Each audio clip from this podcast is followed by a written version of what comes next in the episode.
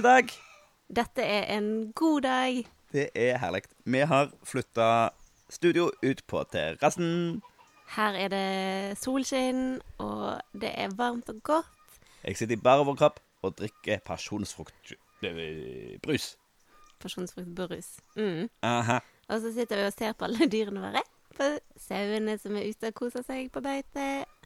Og hønsene som kakler i bakgrunnen. Og Linus og Muskat som svirrer litt rundt her. Og det røser i solen og jakter etter mus. Ja, grisene har gått inn eh, for nå. Det ser ut som de ble, ble for varme til slutt. Men de har kost seg ganske så mye fram til nå ute i sola. Ja. Kanskje de kom på at eh, de skulle sjekke om de hadde fått noe mat. Ja, og det har de jo fått. De har fått en eh, store porsjon med grønnsaker og frukt og brød. En herlig frokostbuffé. Yes. Så ja, uff, det, ja for det så ganske appetittlig ut. Mm. Men etter at de har vært rundt og så trampa og gjort greiene sine, så er det ikke særlig mye appetittlig. Ja, det er jo grisen sin eh, De er- De er en slags vandrende blender. Ah, Ja vel. ja. Så da eh, skal vi ta oppsummeringa. Hva har skjedd siden sist? Vi må jo begynne med beskjeder. Nei, meldinger. Meldinger, ja. Eh, denne uka Mm. så er kanskje de kjekkeste meldingene vi har fått, eh, folk som har delt hvor de har hørt på oss. Ja. Ja. Vi fikk en, en koselig melding eh, fra Indrebekka som skrev at hun hørte på oss i dusjen Yes. og tok bilde av radioen for å vise at vi hang der ved siden av. Det er jo litt stas. Kjempekoselig. Klask, klask. Eh, og så var det Vegard som sendte melding og sa Nå har jeg hørt gjennom alle episodene. Det er perfekt å høre på mens jeg jobber. Det er jo litt kult. Det er kjempegøy. Ja. Det er jo litt sånn hyggelig å tenke på at vi, vi er rundt omkring og holder folk med selskap mens de gjør sånne hverdagslige ting. Stor stas, det. Så eh, vi er jo nysgjerrige på eh, hvor, hvor, hvor hører dere på oss? Mm. Ja, Send oss en melding, da. Det er stas å høre. Ja, Kjempegøy. Ja. Og gjerne med bilde. Ja, det er jo enda mer kjekt. Mm. Yes. Um, mm. Nå var jeg på vei til å foreslå at vi skulle ha en konkurranse om det mest spektakulære plassen å høre på oss. Men jeg har ikke noen premie annet eh, enn et en smil. Mm. Kanskje Ja, kanskje en um, skinkebit eller noe sånt når den tid kommer. Det er alltid bra å love eh, sånne ting som kanskje en gang kommer. Ja, Ja. men da, når du sier kanskje, så er du ikke så forpliktet. Nei, det er sant, det. OK. Så det mest spektakulære eh, eh, bildet av plass å høre på Plutokast Mm. blir premiert med en potensiell skinkebit en gang i framtida. ja. Er ikke det fantastisk? Dette må dere bare kaste dere på, altså. Jopp. Fy søren. Men apropos skinke. Skinke. Det mm, som har skjedd siden sist, er jo at vi har lagt grisene våre ut for salg.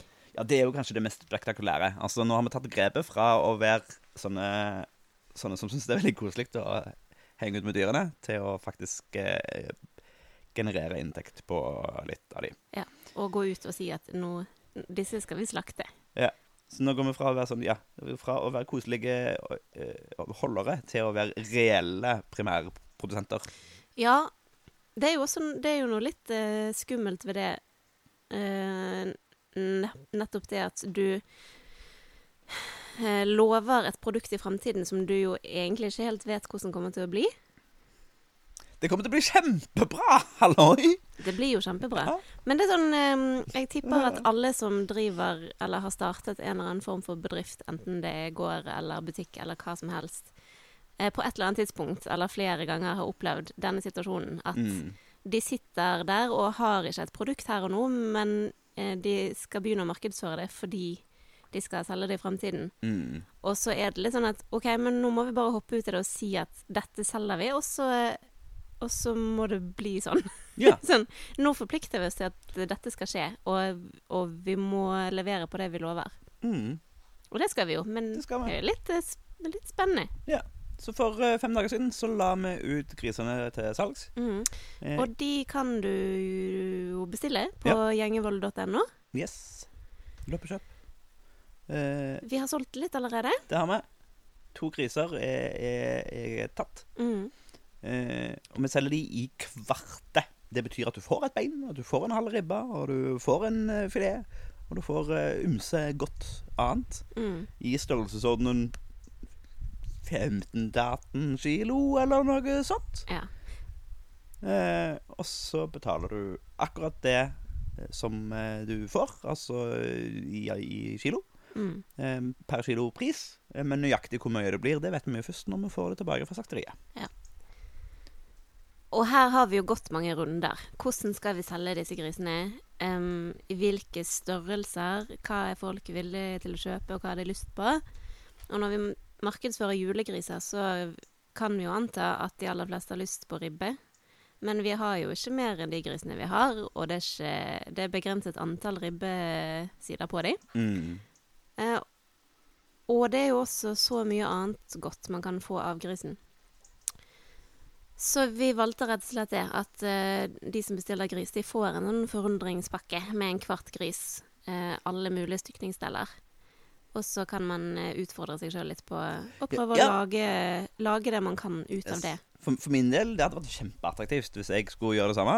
Og ende opp med en sånn Oi, da har jeg alle disse delene. Mm. Hum, hva kan jeg bruke dette til? Eh, jeg har lært masse, og endte opp med å spise masse greier jeg ikke hadde gjort før, antageligvis. Så er det jo veldig i tråd med det her eh, um, tradisjonelle vi ønsker å formidle, med hvordan Altså Det er mange gode, gode gamle verdier eh, som vi gjerne vil videreformidle. Og, mye, og noe av det handler om dette med å bruke de ressursene man har, og Mm. utnytte hele dyret. Eh, altså Ja. utnytte så mye å bruke. Når du, først, eh, når du først har avlet fram et dyr og tar livet av det, så eh, skylder du verden og dyret å bruke alt du kan. Og det Mm. syns jo vi er veldig fint å, å legge vekt på det. Som en slags eh, sånn måteholdsverdi. Mm. Men det var jo også sånn man levde i gamle dager. Så hadde jo bruk, eh, brukene en gris eller to, og så slaktet de den til jul. Og da var det om å gjøre å gjøre alt man kunne for å sikre at absolutt alle delene av den grisen ble Yes. ivaretatt og foredlet og spist. Nemlig. Så nå gjør vi, gjør vi det bare litt enklere for folk. Det trenger ikke ta en hel gris, det kan ta en kvart. Mm. Ja. Det blir bra. Og så er de veldig søte, og jeg sørger for at skinkene deres er godt tatt vare på. Ikke bare skinkene. Ikke bare skinkene. De nakkene, de får eh, kjørt seg. Eh, de, de går rundt her og pløyer og bygger koteletter, sånn at dere skal kose dere til jul. Ja. Eh, Sånn er det. Men det er også grunnen til at man ikke kan kjøpe bare en ribbe eller bare en skinke eller sånt. Vi, for det første så vil vi sørge for at alle delene av grisen blir solgt. Og for det andre så har ikke vi kapasitet til å drive og selge enkelte stykningsdeler til eh, Nei, 500 altså, forskjellige kunder. Størrelsesordenen vi holder på i, rettferdiggjør ikke alle de timene i, i mikromanagement. Og heller ikke den, den usikkerheten på å ikke få solgt enkelte deler. Mm. Så det er, en- ja, det er en blanding av ideologisk og økonomisk som vanlig. Ja. Og vi kommer jo også da bare til å levere ut disse grisene i Bergen eller eh, området rundt.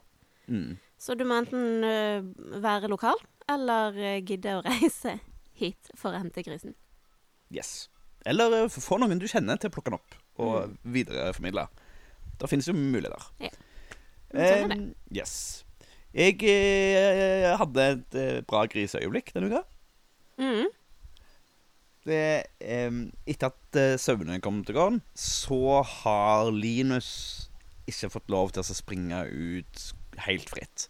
Fordi jeg ikke er helt trygg på at han ikke kan plutselig få det for seg å springe litt etter litt sau. Nei, Linus Gårdsunden vår. Eh, så eh, vi satser nå på at, at vi skal komme til det punktet hvor han kan være med meg ut og herje. Um, ti, nå kommer sauene på lang, lang rekke innover veien her. De er veldig fine. Um, men eh, ja, så jeg var i hvert fall ute og, og ordna litt greier, og da blir Linus stående igjen bak porten inne på gårdsplassen. Han har ganske gode plasser å bolte på her inne, men det gjør jo ingenting, for han vil jo være med oss. Han er sosiale nisse. Mm. Så han sto der, og så blir han så stressa, og så bjeffer han og bjeffer han og bjeffer han. Og bjeffer han, og, og han blir helt sånn frenetisk du. Det er så synd på meg. Um, og så på et tidspunkt da så, så går jeg inn og, og holder på litt inne hos grisene. Eh, og da ehm, eh, står eh, Linus bak eh, grenda og bjeffer på grisene. Og det, jeg lurer på om han vil ha de vekk. Enten for å redde meg, eller for å ha meg for seg sjøl. Jeg er litt usikker. Men jeg får iallfall Linus til å roe seg, samtidig som Magnete, hun mest cheeky av alle grisene våre. Det er hun som smaker på alt. Eh, hun som har vært eh, heftigst på støvlene og på knehasene og eh, Mm. eh, fingrene, hvis du ikke er forsiktig. Eh, men det er en sånn nysgjerrig Hei, hallo? Hvem er du? Kan, jeg, kan du spise?' eh, så når de andre grisene er litt skeptiske, så kommer hun og sier hei. Hun er liksom, ja, litt fryktløse. Mm. Men hun kom og brydde seg ikke så himla mye om den bikkja som gneldra. Kom og sa hei til meg. Jeg Fikk litt klødd litt på hodet mens jeg liksom roa bikkja. Og så når liksom eh, Linus da hadde roa seg, og så så på denne intenst så på denne grisen, så kommer Agnete og ser på stikke asen sin tvers igjennom gjerdet. Hun bryr seg tydeligvis ingenting om dette rådyret, rovdyret som står og, og herjer. Og så får du sånn øyeblikk, sånn to-tre sekunder, hvor det er nase mot nase. Det er kontakt. Og jeg tenker ah, Hva skjer hvis han klikker og liksom bare åpner kjeften og klapper han igjen rundt den nesen? Mm. Men det bare Det bare eksisterer. Og så går det hver til sitt. Ja. Og så var verden fine. Altså, og, det, og det er jo det vi ser gang på gang, da. At han, han er nervøs og usikker. Men han er jo stort sett ikke interessert i å ta annet enn å skremme vekk, eventuelt. Nei, han er jo mest uh, usikker fram til han har møtt, møtt de på Mm. eh, nært hold. Yes. Så nå, nå blir det um, eksponeringsterapi. Nå skal bikkja få lov til å Nå kom Gunnar og Gåsheim sprengende rundt eh, på baksida av huset. Nå er hanene ute på tur. Ja, nei, bikkja skal få lov til å bli med på tur ut på marka og være i nærheten av sauer. Men i bånn i første omgang, da. Så Ja. satser vi på at jeg eh, etter hvert kan ha han med meg uansett hvor jeg går. Det hadde vært fint. Gunnar og Gråstein, forresten. Mhm. Altså våre to unge hanner som eh, nå begynner å bli ganske store Mhm. og, og voksne. De er jo et herlig syn her ute på plassen. Det er jo de som er mest um, eventyrlystne, kan man si. De Mm. liker best å gå på turer. Og de henger alltid sammen. Ja. Og det er så koselig. De ser er ut som sånn, liksom derne udde-kompisene. Mm. Altså, det er liksom på ungdomsskolen. Han derne bitte lille som henger med han derne kjempestore. Og sånt. Mm. Det, det, er liksom, det, det er den typen snåle eh, kompiser. Ja, de er kjempegøy. Og så, og så går de så morsomt. Har du sett hvor store bein Gunnar har fått? Han har jo hatt det hele tiden. De er kjempelange. Sinnssykt kraftige og lange. Han er Altså, en hvis- gangly høy tenåring. Hvis vi hadde drevet med hanekamp, så skulle jeg søren meg sendt han inn i ringen. altså. Jeg tror de beina der kan sparke hardt. Ja, fy søren. Og Gråstein har virkelig begynt å finne stemmen sin. Ja, han har er begynt jo- å gale noe voldsomt nå. Eh, Det er gøy. Ikke så lange og flotte som Gudbrand, han gamle karen. Eh, Men nå nærmer seg. mm. Det blir spennende å se når de eh, kommer enda litt tettere på. Om Ja. det hvor, hvor, Åh, hvor hardt de- det går for seg. De vokser til, dette her. Ja. Det er så gøy. Ungdommen. Ja. Hvor var vi? Um, Ja, nei, griser. Ja, det er vi ferdig. Snakk om uka. Ja, vi snakker om uken, ja. I dag så tok eh, em, ene sauen vår og nesten spiste nesen min. og Det var veldig koselig. Det, det var der at det nesten ikke var koselig lenger. Nei, for jeg tror det var en nærkontakt. Jeg tror ikke det var spising. Mm. Men, Ja, eh, men det var to, veldig- to litt sånn kraftige lepper som tok tak opp og nede på nesen min. Mm. Eh, og så er jeg veldig glad for at tennene er litt lengre inn i kjeften. Eh, tok tak, og så dro litt sånn ut. Som om nesen skulle liksom følge med. Nå sitter jeg her med fingrene en over en under. Liksom prøver så Mm, å gjenskape opplevelsen. Men apropos sauene. De Ja. um, begynner jo å finne seg til ro her, både med plassen og med oss. Mhm. Og nå kommer de jo stadig nærmere.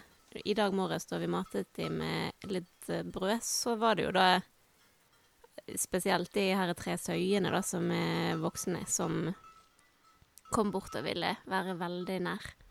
Og det er jo kjempekoselig, for nå kommer de liksom Nå tillater de at vi tar på de og klapper på de og Ja. klemmer og sånn. Mm. Stort sett. Men um, lammene er fremdeles litt uh, De er litt vare. De tar det litt lengre tid å komme nær. Men det går, uh, det går veldig riktig vei. Det er kjempetrivelig. Det er det. Mm. Um, I går så, de lyst, så var de litt utbryterske. Da, Ja! det var første gang vi hadde sau på rømmen. Det var spennende. Det var, det var en absurd opplevelse sitte, sitte på terrassen her eh, og ha besøk. Mm. Så ser vi bort og tenker Men nå var det himmelen mye fart der borte. Hva er det som foregår? Så ser vi fire av våre kommer liksom springende ned fra skrenten oppe i dalen her borte. På feil side av gjerdet. og ser ut som de jager naboen sine hvite sauer. Ja, det var fullt firsprang. Og det her er De har jo stått og sett på hverandre lenge. Mm. Men eh, nå virket det som det var sånn eh, skikkelig beef eh, Ja, dere skal faen meg ikke være her. Vekk med dere. rett og slett.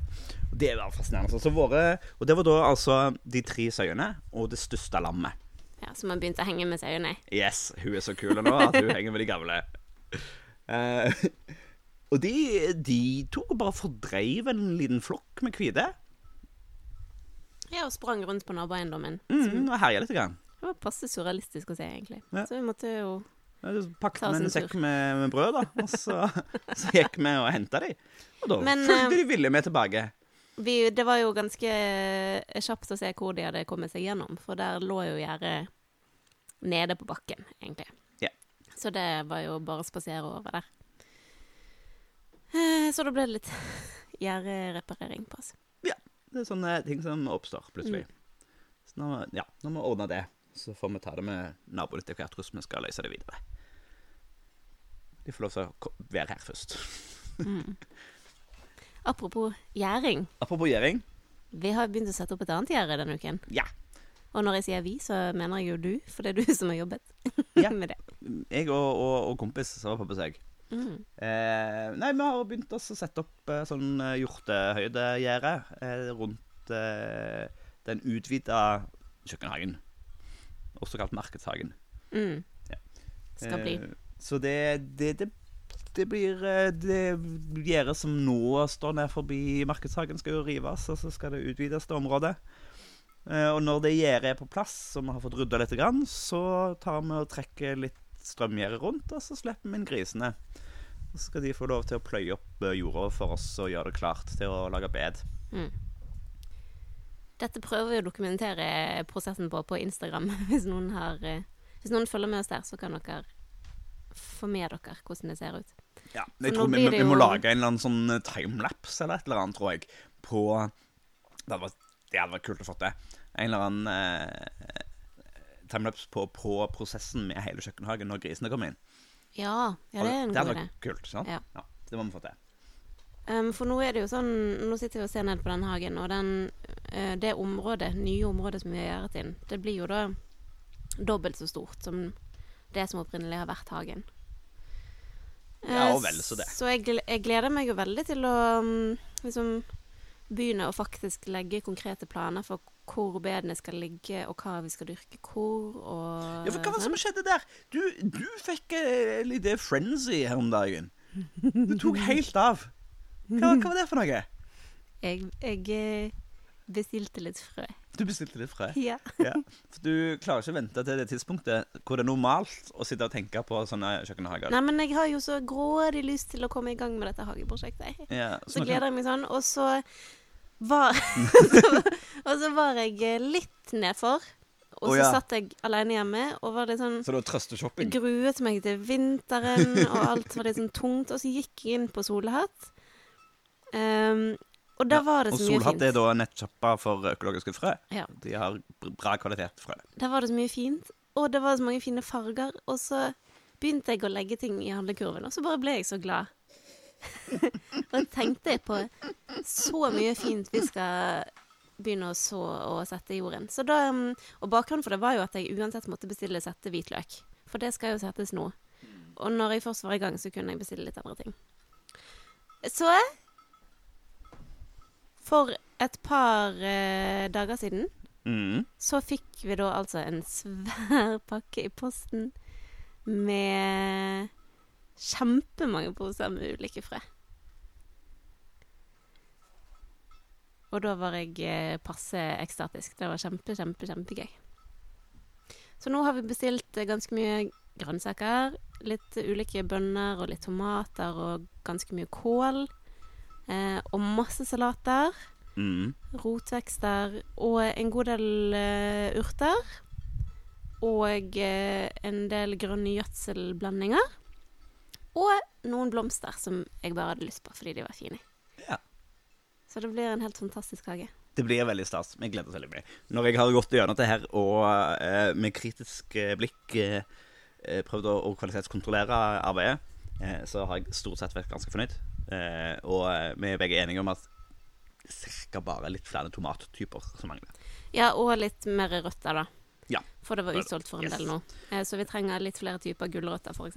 Men det jeg gleder meg til, som blir spennende, jeg blir også å sette opp den eh, sesonglista. Altså den hvor det står eh, Hvor vi kan se på antatt eh, høstetid og sånne ting. Sånn at vi kan planlegge hva som går i hvilket bed og i hvilken rekkefølge. Ja. For Noen av disse tingene er jo sånne ting som fint kan plantes sent på sesongen. Altså salat- og bladtyper, kåltyper, som godt kan stå utover sensommer og høst. Ja, og jeg tenker at uh, vi kan gjerne på enkelte ting så kan vi jo gjerne plante ut nye hver uke eller annenhver uke, sånn at vi sørger for at uh, ikke vi får uh, 500 salater som er ferdige på akkurat samme tid, men at det Ja, det er varer litt Yes. gjennom sesongen. Mm. Så det å sette opp den planen og ha sånne fine Excel-ark sånn, det blir jeg veldig glad av. Det blir veldig bra. Men um, ja, disse frøene som vi kjøpte, de var jo økologiske. Yes.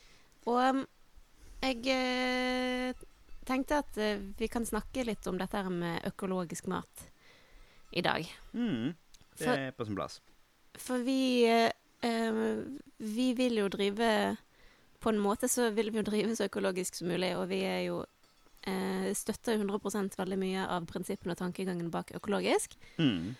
Men vi har kommet frem til at vi ikke kommer til å ha sertifisert økologisk mat. Yes. Jeg og, Ja. Så jeg tenkte vi kunne snakke litt om hva, hva er egentlig kravene til økologisk mat, og hvor, hva vurderinger har vi gjort, og hvordan har vi kommet frem til det vi har landet på. Jeg fant uh, en definisjon uh, på hva økologisk landbruk er, eller skal være. Eh, Som jeg tenkte jeg kunne starte med å lese. Uh, og så det som suger litt nå, er at jeg har ikke funnet ut eh, hva den forkortelsen er. Det er det internasjonale økologiske f- something something. IFOAM. Mm. Husker du hva det står for? Nei. Nei. OK, men det er iallfall det internasjonale eh, Organic Organization. um, som har følgende definisjon.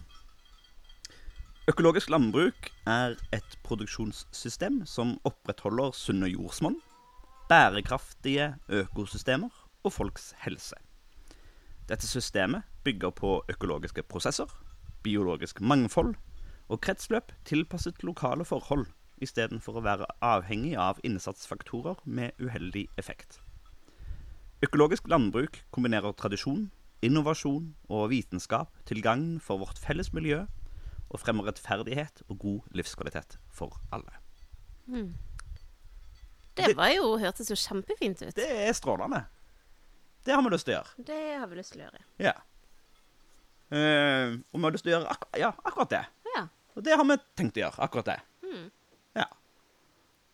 Um, men eh, det er jo noen utfordringer som vi har møtt på når vi har sett på uh, Sett på kravene og på en måte den enkle måten å gjøre ting på. da. Ja, for utfordringene oppstår jo idet man tar den fine formuleringen der og skal lage regelverk som eh, som passer til. Og eh, det regelverket er jo Jeg vil si at eh, det kommer vel sikkert fra en god plass, men jeg syns ikke alltid at det regelverket egentlig bidrar til å nå det målet. Nei. Altså, ja, for det vi har lyst til å gjøre, vi har lyst til å drive så mye sånn som mulig. Um, vi har lyst til å drive så lokalt og på en måte rent som mulig. Um, Og selvfølgelig med hensyn til god dyrevelferd og, og gode økosystemer og mm. men, men vi opplever at det å eh, sikte seg inn forbi regelverket ikke nødvendigvis garanterer at vi driver såpass lokalt og bærekraftig som vi ønsker. ja. Og for husdyrholdet sin del så handler jo dette mye om fôr. Ja. Kan du si litt om hva som er kravene i Norge da, til, eh, til fôret til ulike produksjoner? Ja, altså det viktigste prinsippet er jo at det skal være eh, økologisk.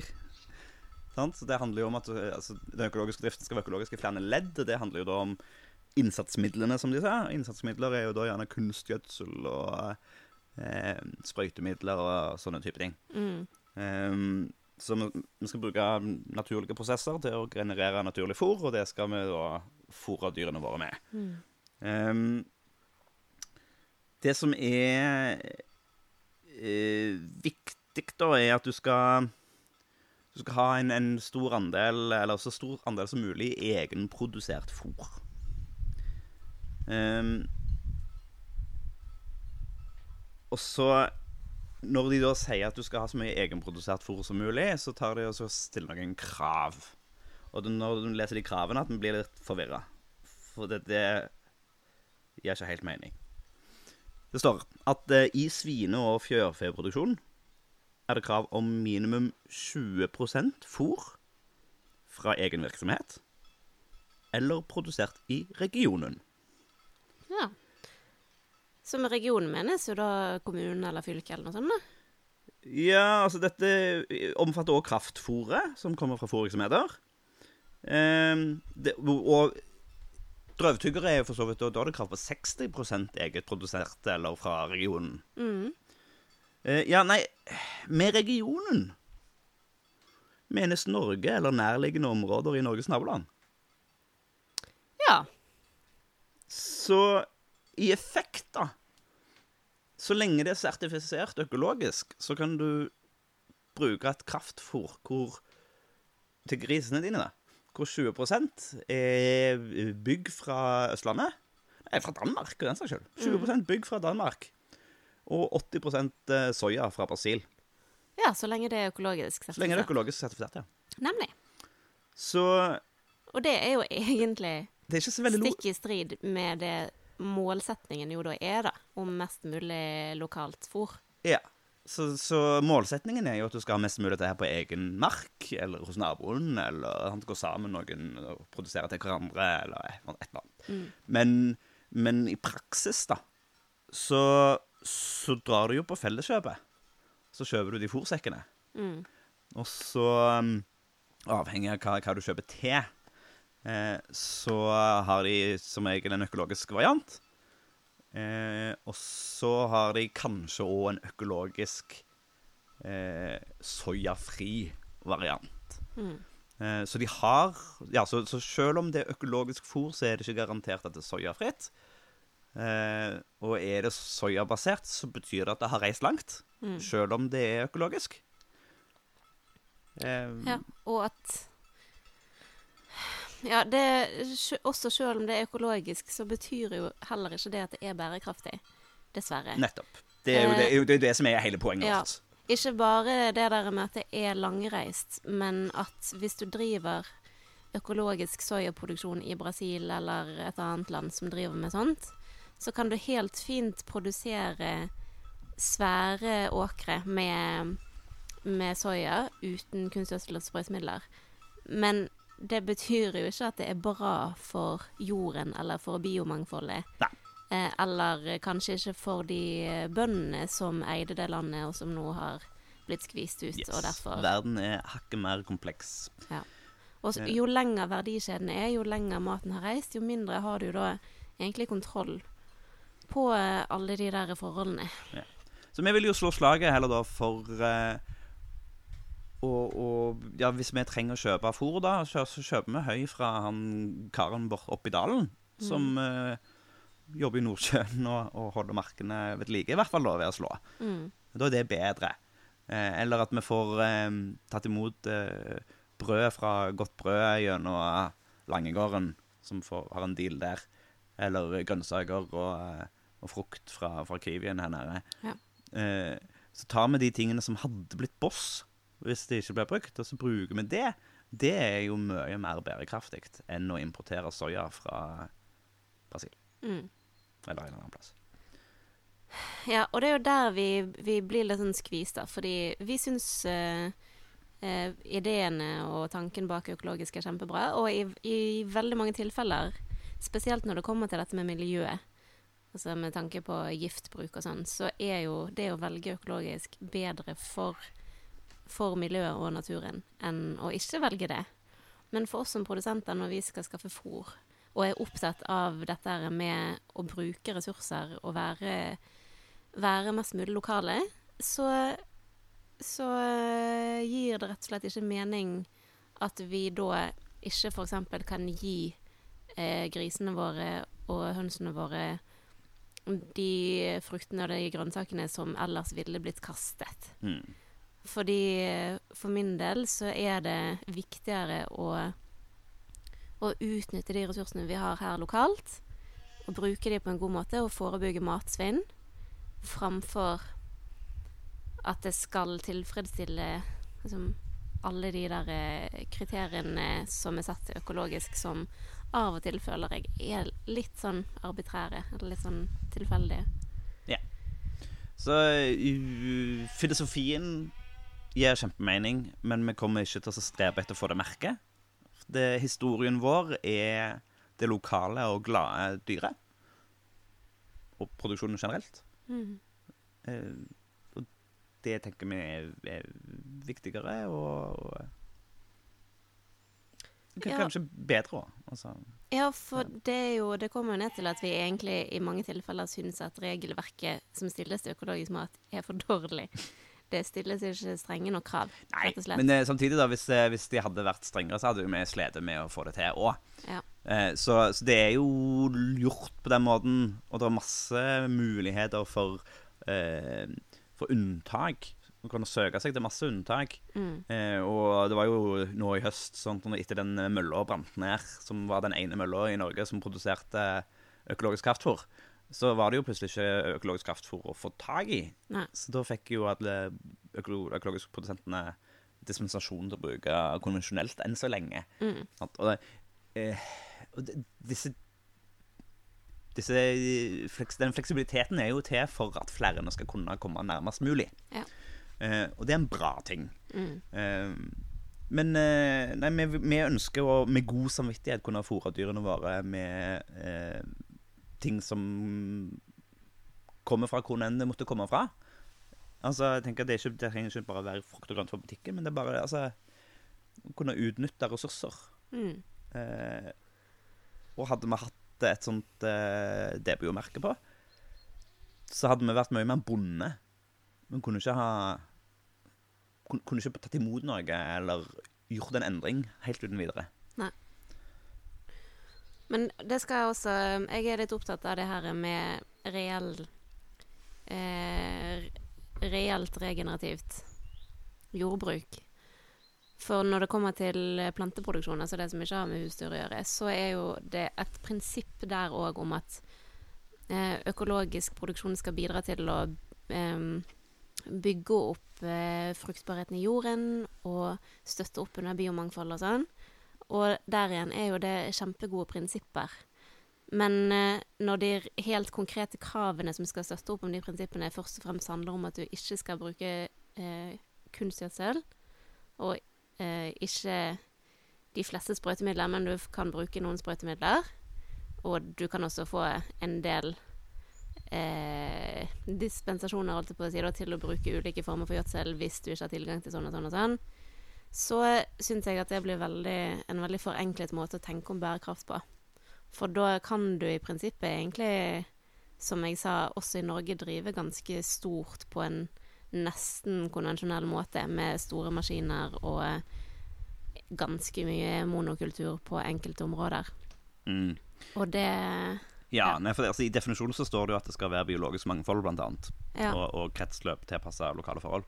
Men det er jo i sterk grad eh, underkommunisert. Ja.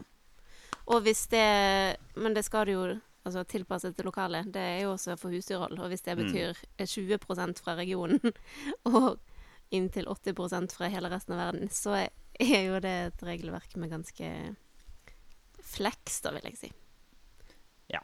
Men, jeg Men nå, tror- det skal jo presiseres at vi er ikke eksperter på alle reglene når det kommer til økologisk, og det er ikke meningen å Altså, for all del, når, vi, når jeg er i butikken sjøl, så velger jeg jo alltid det økologiske, fordi Ja. at sjøl om jeg eh, ikke kan være sikker på at det er 100 fantastisk på alle måter, så tror jeg jo at det er um, en slags sikkerhet for at det er litt bedre enn det konvensjonelle. Spesielt Mm. når det kommer til dyrevelferd, og at det at dyrene har litt bedre plass, og at mor og barn får være litt mer sammen, f.eks., og den type ting. mm. Men f.eks. også i økologisk eh, hønsehold, selv om hønsene får litt bedre plass enn i konvensjonelt, så får de jo veldig mye mindre plass enn det de får her, f.eks. Det er jo Ja, det er jo en verdenlig-forskjell. ikke Det- nødvendigvis et eh, godt liv, selv om det Nei, er litt bedre. tror de Ja. Det, men det er nok veldig mye bedre enn alternativene. da. Ja. Nå er nå velverka de siste årene eh, De forskjellige hønseholdene har nærma seg mer hverandre. Mm. Så det er jo bra. Uh, Ja, hvis, hvis de har nærmet seg mer i, i økologisk retning, så er det jo bra. ja, det er jo det de har. Mm. Det.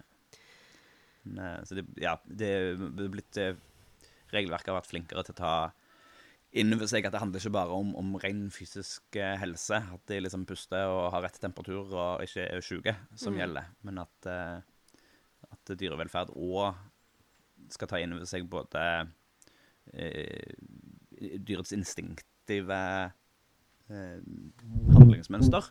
Mm. Eh, sånn så ei høne skal ha tilgang på en vaglepinne, for eksempel. Ja. Eh, og de skal ha tilgang på til strø så de kan, kan bade i. Eh, men så, i tillegg så, så er, tar en òg høyde for dyrets egen opplevelse av hvordan de har det. Mm. Det syns jeg er ganske spennende. Eh, og der er det jo, selv om vi legger ting veldig til rette, og tenker at nå er ting veldig bra, så kan jo fremdeles dyrene være redde, da. Og jeg tenker for eksempel at ja, hønene våre, da, som eh, varierer noen, eh, vandrer freidig av gårde og eh, utforsker verden, mens det er andre som knapt rører seg ut den døra. Mm. Kunne vi da gjort noe som gjorde at de hadde det bedre, hadde mer lyst til å komme ut? Sånn at de kunne fått gjort av disse andre tingene. Eller Ja, nei, hva, hva er liksom Hva er best dyrevelferd for de hønene som er redde for å gå den døra? Mm. Er det å bare lukke døra, så de ikke trenger å vur- vurdere det engang, bare eksistere? Eller er det å dytte de ut? Eller er det å gjøre noen fysiske inngrep som gjør at de føler seg tryggere? Mm. henge opp greiner over, sånn at de opplever at de er beskytta mot farer ovenifra, eller Ja, det der er er et kjempevanskelig spørsmål uten gode svar. Altså, eller ingen tydelige fasitsvar, i hvert fall. Men jeg tror det er viktig å, å ha i bakhodet det der med at god dyrevelferd innebærer ikke nødvendigvis et liv som er helt beskyttet og helt uten stress. For Mm. både dyr og vi mennesker har jo behov for å bli dyttet litt Kanskje ikke helt ut av komfortsonen, men at vi tester grensene litt mm. og får nye erfaringer og nye utfordringer. Men innenfor et uh, akseptabelt uh, skal vi si, rom, da, på en måte. Så mm, det handler jo ikke om, vi, om at vi kan minimere alle ubehagelige opplevelser hele tiden. Men uh, at vi må finne en god balanse der. At, det ikke, at vi ikke går over en grense. Ja, men altså, ei høne skal jo være på jakt, da, for eksempel. Mm.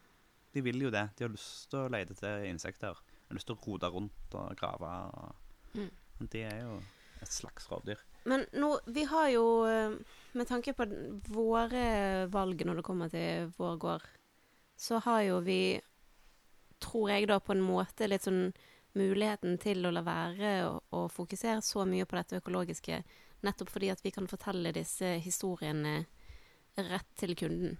Mm. Men hvis- vi skulle ha drevet med storproduksjon og levert rett til grossist Ja, da hadde vi trengt et eller annet stempel på pakken som tydeliggjorde hva vi sto for. mm. Og da er jo økologisk det beste vi har så langt. Ja. Eh, så eh, dette Ja, dagens samtale var jo ikke noe mening å disse økologiske i det hele tatt. Nei.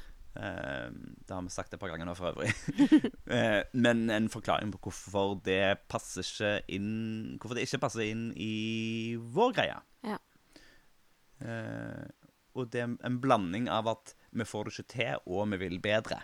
Ja, nettopp. Rett og slett. Og at uh, i valget mellom uh, økologisk sertifisert eller uh, lokale ressurser, så har vi bestemt oss for at vi vil prioritere lokale ressurser Ja, Rett og slett. når vi må Ja. bestemme, når vi må velge. Yes. OK. Så det var vel kort og godt om det. Nå skal vi runde av. Eh, gi oss gjerne tilbakemeldinger og innspill. Mm. Hvis, dere, eh, hvis, hvis det dukket opp ting som dere tenkte på underveis i denne episoden, eller ting dere lurer på, eller noe sånt, så setter vi veldig pris på å få det. Mm. Mm. Så kan vi jo gjenta en gang til at eh, Instagram er stedet å følge med. Hvis dere ønsker bilder til alle de tingene vi snakker om, så Mm. er de stort sett på Insta. Og da er det på mangesysleriet. Det finnes det. Okay. Nå skal vi gå og rydde litt i hagen. det skal vi. Eh, kose oss i sola. Mm. Det blir digg. Få ha en fin uke, da, folkens. Likeså, holdt på å si. Du sa det ikke til meg. Ja, ha en fin uke, dere. Så snakkes vi. Ha det bra. Ha det bra. Shalabais.